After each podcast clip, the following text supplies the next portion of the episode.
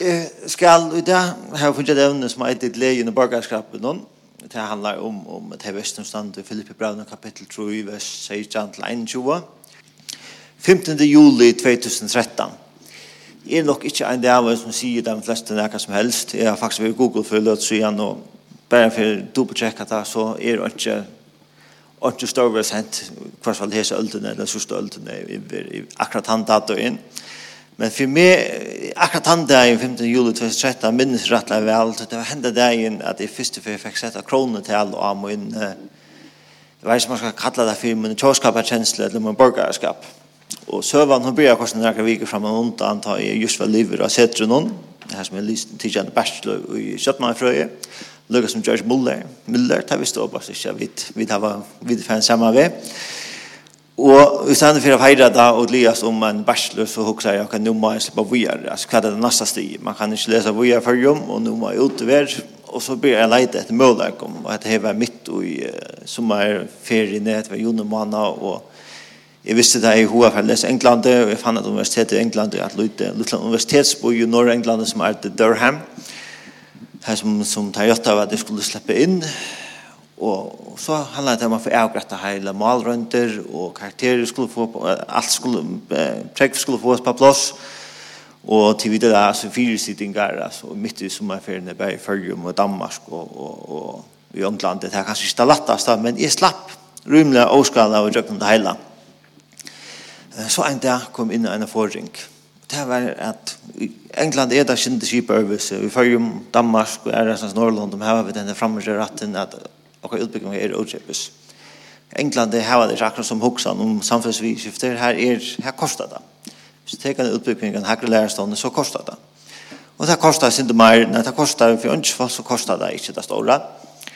För folk som kommer ur Europa och, ES ta kostar det inte mer och så den tredje kategorin som är resten av hemmen. Det kostar det en böndagare, ett lilla böndagare, det kan utbyggning. Mm Og henne dagen fann jeg det av. Altså fram til henne dagen har jeg vært ut i støve at jeg har et, et uh, grønt førespass. Og jeg var ikke fanatisk om det eller noe som helst, men jeg kunne hver for man får diskutere at jeg grønne eller jeg pass om det hvem ber til eller ikke så kunne jeg fortelle at alle som sa som är vid hemma någon hade aldrig varit problem Og det var en av stolta ju sen här att ta för borgerskap borgarskap brinna det ta för ska det stod ikke noe gata for det danska Inntil henne dagen tar jeg skulde, gjøre greit for skolen om hva nasjonalitet det er. Det er mye Danmark, det var det norske kategoriene, pasta av Europa, og alt var så fantastisk, og kostet ikke så øyne jeg, så ble Førja definert som et land ur resten av verden. Det vil si at det kostet å holde bøndager for å slippe å ta en utbygging. Her konkret for meg mest det annet er at hvis jeg har et dangst, rett pass, så tok jeg, så tok SO og rinde alle utbyggingene. Så det vinner for det her marsjen som tar bjør av oss etla himmelen ikke være, hvis jeg helt fast og grønna fast nå, så skulle jeg betale en, en rymlig stor oppa sjolver, og er det en bokstav i høyve lisen, og er det nærkert til jeg kom til Ångtland, så er det nærkert til jeg sett min fot i skolan. Så sier jeg stod vi hesten her mølagen om, og jeg rønte å forklare det, men ikke er Førjar og Danmark, det er det samme. Altså, det er en paste av en rujtje, vi er tvei sjolvstøy, vi er tvei lånt, en rujtje, og det er basically det samme. Men her var her, her, Her regner seg av vitsa fyrsidingene i Ånglandet.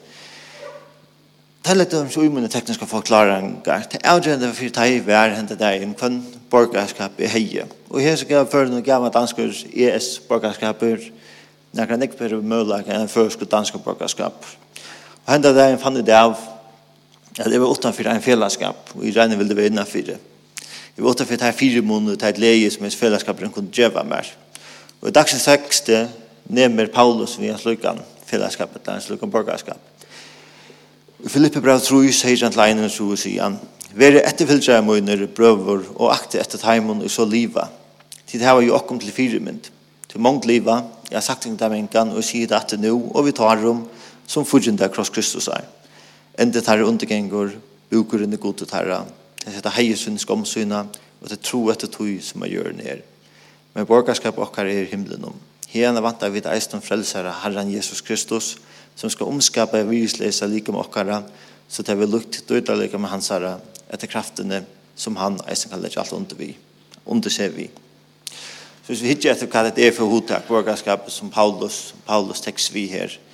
Jeg skal ikke være inne i det tekniske utøy, men færre til det som vi som jeg bruker kvann av min arbeid som journalister, flere for nevn igjen, annars endte jeg om Facebook, for inne. Jeg språte år og er en bruker det. Og her språtene sier borgerskapet er til en ved borgere, og så viser han faktisk den bibelske forstanden, at borgerskapet herre var i himmelen. Og hatt det sier ikke øle nekva, så det er øle grunnleggende, det er øle enkel lysning av hva åre borgere er. Men språtene viser hvordan vi gjelder samtidig åre borgerne, her som borgerskapet var mett av være et år av jævnt rettender. Og under tog stendet så, samheitet, Arvarattur, atkvørattur, avgjerrattur, avsattersrattur, beidesrattur, borgarrattur, borgarskapur, rottarrattur, festerattur, fiskerattende, forkjøpsrattur, forrattende, forbundsrattur, frumborrattur, fylgjerrattur, grukvarattur, heimarrattur, janrattende, og tru forsårarsratt.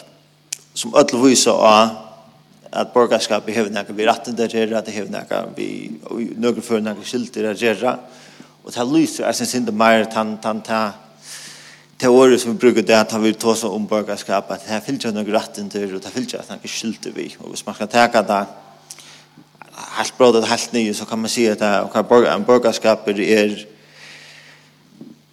de retten til, og de skyldte som vi vet individer har vi for en større bølge, eller en større fellesskap, i barn for en bære til retten vi har i fellesskapen, men det er skyldene som vi har i vi fire til fellesskapen. Og just Paulus som skriver Filippe brevet kjenner nok så vel til akkurat det hese avgående som det er å være en borger i Nøkrum.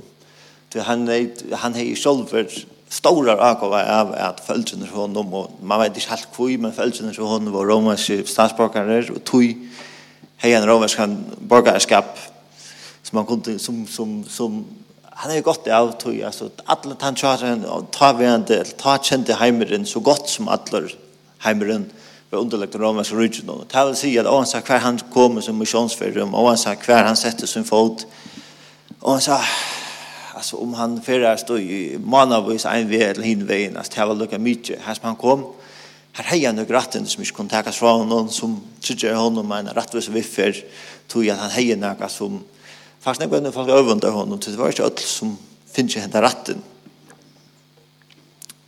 i Parslasøven 22 leser vi med mitt land om det, hans rettet til Bjarkar var om å være huvudlångt av romerska soldat om att han var han heje att han var kommit i Jerusalem och i boa Kristus här fankan ett hoje han romarna ett hoje han tar bunte han och tar sträckta han ut och drar han drar till klara till huvudlångt han han säger ja men i romerska statsborgare eller i rom i han romerska borgarskap. Och ta sig där då det visste tack han inte det var romare Vi leser faktisk det samme i Apostelsen 16, ta hei av en ærestand, så ta væren rett faktisk bluven eh, tidlig til fengt, og han var bluven hovlangter, og ta han så forteller dem at han har hov, men er romersk statsborgare, eller borgare, så blev så blev ötte av domarna utan blev ötte av vakten i reisen för det visste nu hade just några galle man kunde inte färra så vi en romersk borgare. Och att kapitel 25 läser vi dumt där på sövnet har i Paulus brukar hent ena ratten den ratten som han hejer som satsborgare de var ikke noen at heje hette målet, hette som til skuldsetta med fire hette ratta målet som minnes stand i fire jeg velger sjåta det inn for kajsaren for Cæsar selv som så mest at han ble ført til Rom så statt han mævren som skriver hans i årene Filippe Braunon det er mævren som er full greier i hver mølager og hver fire månader til er å være borgare og en slik storvelte. Og korsene visste han sin brød og systre om i Filippe at han borgarskapen som de har valgt er en ikke større enn han borgarskapen som han selv hever og de som råd om han heva. Faktisk vis med at han så nek henne borgarskapen som han heier i himmelen helt enn rom at han faktisk tar veldig så om mittelen at avnokta god, eller at avn, eller, eller, eller halda fast vid sin, sin jøriske rattender. Han valde helt at dodja fyrir sin, sin, sin, sin limaskap, eller sin borgarskap, og i himmelen enn det var fyrir at, at, at halda fram i løyven og vidtømmen og agavum og fantastiske møløkene som han heier. Og i Filippi Branner skriver han, borgarskapet okka er i himlen, hena vanta vi eisen som frelser Herren Jesus Kristus, som skal omskapa virusleisa likam okkara, så tar vi luktor til hans herre, etter kraftene som han eisen kan legge alt under seg vi. Og hva er det som vi på, altså hva borgarskapet som tas om her er at han hever Paulus har møtt Jesus, og til møten rundt hans holder klass fire, og han sa hva han har i her folk, og han sa hva i det han har, og han sa hva i fire måneder han har, og han sa hva er ikke døm han har, så faen er alt her, og ikke at vi kunne samarbeidast, og ikke det som heimeren har, kunne samarbeidast vi til vi kommer skal vi Kristus. Og hovas vi ikke fullkommen enn, hovas vi gjør feiler, hovas vi sara folk og sara under, og vera sart, så kommer det en dag vi tar Kristus skal komme atter og vi skulle bli fullkommen. Alt det skal bløyva. Og virusleisa likam, som man kallar det, det skal bløyva omskapt til at urdan likam lik hans. Vi er en sted som ønsker pøyden eller sorg, eller ønsker sjuk, eller deg i valgt der, vi Kristus, har vunnet ødlom av krossen. Men samtidig så leser vi deisene i Nudja Testamentet, at dette rujt ikke bare nega som koma skal, ta han ble spurt at han skriftlägger om ett här heter rujtje som han tar seg om ta sverre Jesus der, men lukkar 16 21 21. At rujtje Guds kommer ikke at han hatt at han sast vi egen om. helt ikke fitta vi sagt her er det eller her er det til rujtje Guds er innan og i tikkum det er innan og i okkum det er ikke som at anna et lønne rujtje her som vi kjenner av vold her som man är skipa vi en lova väster man har en, en att ivevald man har en att valsmonopol och också slä eh domstolar skatter och annat men det här rujtje här som Jesus han upprisne frälsaren i konger och kall liv och det här rujtje liv och jokom och en så Paulus som oansa kvar han får ut till romerska rujtjen eller du ta kjenta heimen och visste det hei til vissena at hvis jeg kommer troblaka, hvis jeg vet ikke til fenga, hvis dette hender vi meg, eller hatt hender vi meg, så har vi noen retten til som andre folk ikke har, så har vi det i stavissene, som godsbøtt. Jeg vet at bøttene er gode, at vi har en borgerskap i himmelen, at, at om han sier hva vi får rødt noen, eller hva vi er i liv noen, så er han vi okkom, og han får aldri slippe okkom, og han er lovet at han fer at halde okkom, og han sier hånd, lykke til enda gjøre enn her. Og i versen om i Filippe brevet så legger Paulus her stendt at med okkar borgerskap er i himmelen så er det eisne en annan ender sett heim og ikke takka møte Guds rydde. Han skriver til mångt livet, jeg har sagt det til en og sier det at nu, og vi tar dem som forgjende kross Kristus er. Enda tarre undergenger, bukeren og tarre, til til sitte heiesunne skomsyna, og til tro etter tog som er gjør ned. De som er så hørt til samkommende i Filippe, de som var rundt om, og de rundt om etter frelsta skæran, de vil lust som noen folk som hoksa om tingene her av folk, mer enn noe annet. De du ikke sånn at det større myndene, de du ikke litt egne opp og sørger på igjen nå. Det er mer med himmel gjør enn det er akkurat det som de har her å gjøre det. Det er en avlegg at han har hettet reisende. Det er mer enn det som vi sånn at vi har egne egen. Det har funnet glede sin og heie sin og vi vidskiften ting, og ikke ha å si at han det er ta og i vi da ikke færre grøvene til han da Kristus kommer etter. Og vi för det og och vi för gott det här stöva grej. Det er fortsatt kross Kristus er og ändå här i undergänger. Men hette är ett utgångsstøy til öllum vi sitter her i dag. Vi er i fattelen, og vi kunne aldri se när kan jag gå nok til god eller god standard. Vi er skilt fra hånden och vi skapte kom og borger en rydde, og jeg enda skal få komme Det är utgångsstøy. Ty Kvar en er fötter in Ta vi var fött in i, i hendan heim, så er vi dødlet til som støve, vi var fött in i fannan heim. Alltså nökrum som London kan köpa en borgarskap och eller ge det ut försent att några strejter. Men standard ta grundläggande ta Jamil borgarskap är att han är vi fött Min föräldrar är förrysk är fött för jum till ha förska statsborgare eller förska borgarskap. Jeg kan ikke, men jeg følte kunne ikke si at nei, vi talte at han skulle haft en brasilskan eller en sørafrikanskan. To er føtter, to er, tunn borgerskap er vi føtter her som to er. Og det er at han støvann eisen til vi kom inn i hendene heim. Lukka som vi er føtter i hendene heim som borger i fyrjum, et langt rød land som vi er føtter i, så vi er vi okkar andalus støv føtter inn i fallnan heim og vi er i fattelen per definisjon og enda okkara er som Paulus lyser her undergenker. Men han brukar eisen en gønne år om det her som året av Rombraven og tror jo jo at öll hava synda og teima fattast. Durt gods öll ikke noen undan. Det er ikke en eneste av okkom her inne som man kan si jeg vet ikke at jeg har ikke bruk for det her at vi öll hava synda og vi er öll fattlen fra tog det vi kommer i hese gjørs Men i hese støvet har vi det fortjent av gods og enda okkar er undergenker så tar bjóa er god enn vi ut av tog Til en som vi som mennesker, vi fødte okkar holdt så kunne vi leise vi endefødt inn i Guds rujt. Jesus utgreina hesa haflagd atlan om endeføring fyrir min Nicodemus, da hesa rahar jötana kom til hans mia en ått, fyrir fratta meir om etter rujtje.